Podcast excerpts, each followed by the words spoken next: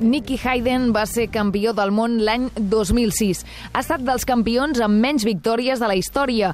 En 13 temporades amb Honda i Ducati té 28 podis al Mundial, amb 3 victòries.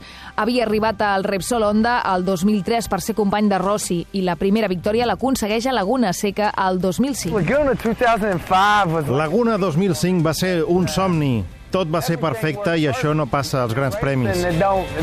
Vaig fer la pole i vaig guanyar la cursa. Sentir l'himne americà, el meu pare allà, va ser com un conte de fades.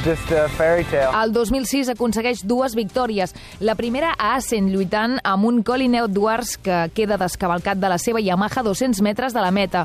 Pocs dies després es torna a imposar a Laguna Seca. Valentino Rossi, antic company, i aleshores ja a Yamaha, és el seu rival. A la penúltima cursa, a Estoril, abril ell i Pedrosa cauen a la cursa. Està clar que en aquell moment, a la grava a Portugal, vaig pensar que el Mundial se m'esmunyia entre les mans, però una hora després em vaig aixecar mentalment i vaig dir que encara tenia opcions de ser campió. Be world champion. 15 dies després, el 29 d'octubre, Hayden té la sort de cara a Rossi, cau a la cinquena volta i acaba la cursa 13 i el nord-americà acaba guanyant el títol per dos punts. 11 points down on. Era l'última cursa, era 11 punts per sota del potser millor pilot de la història, amb tot de cara per ell.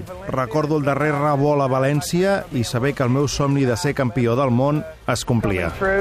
Ladies and gentlemen, salute the 2006 MotoGP World Champion. It's the American Nicky Hayden. 18 curses, 18 transmissions.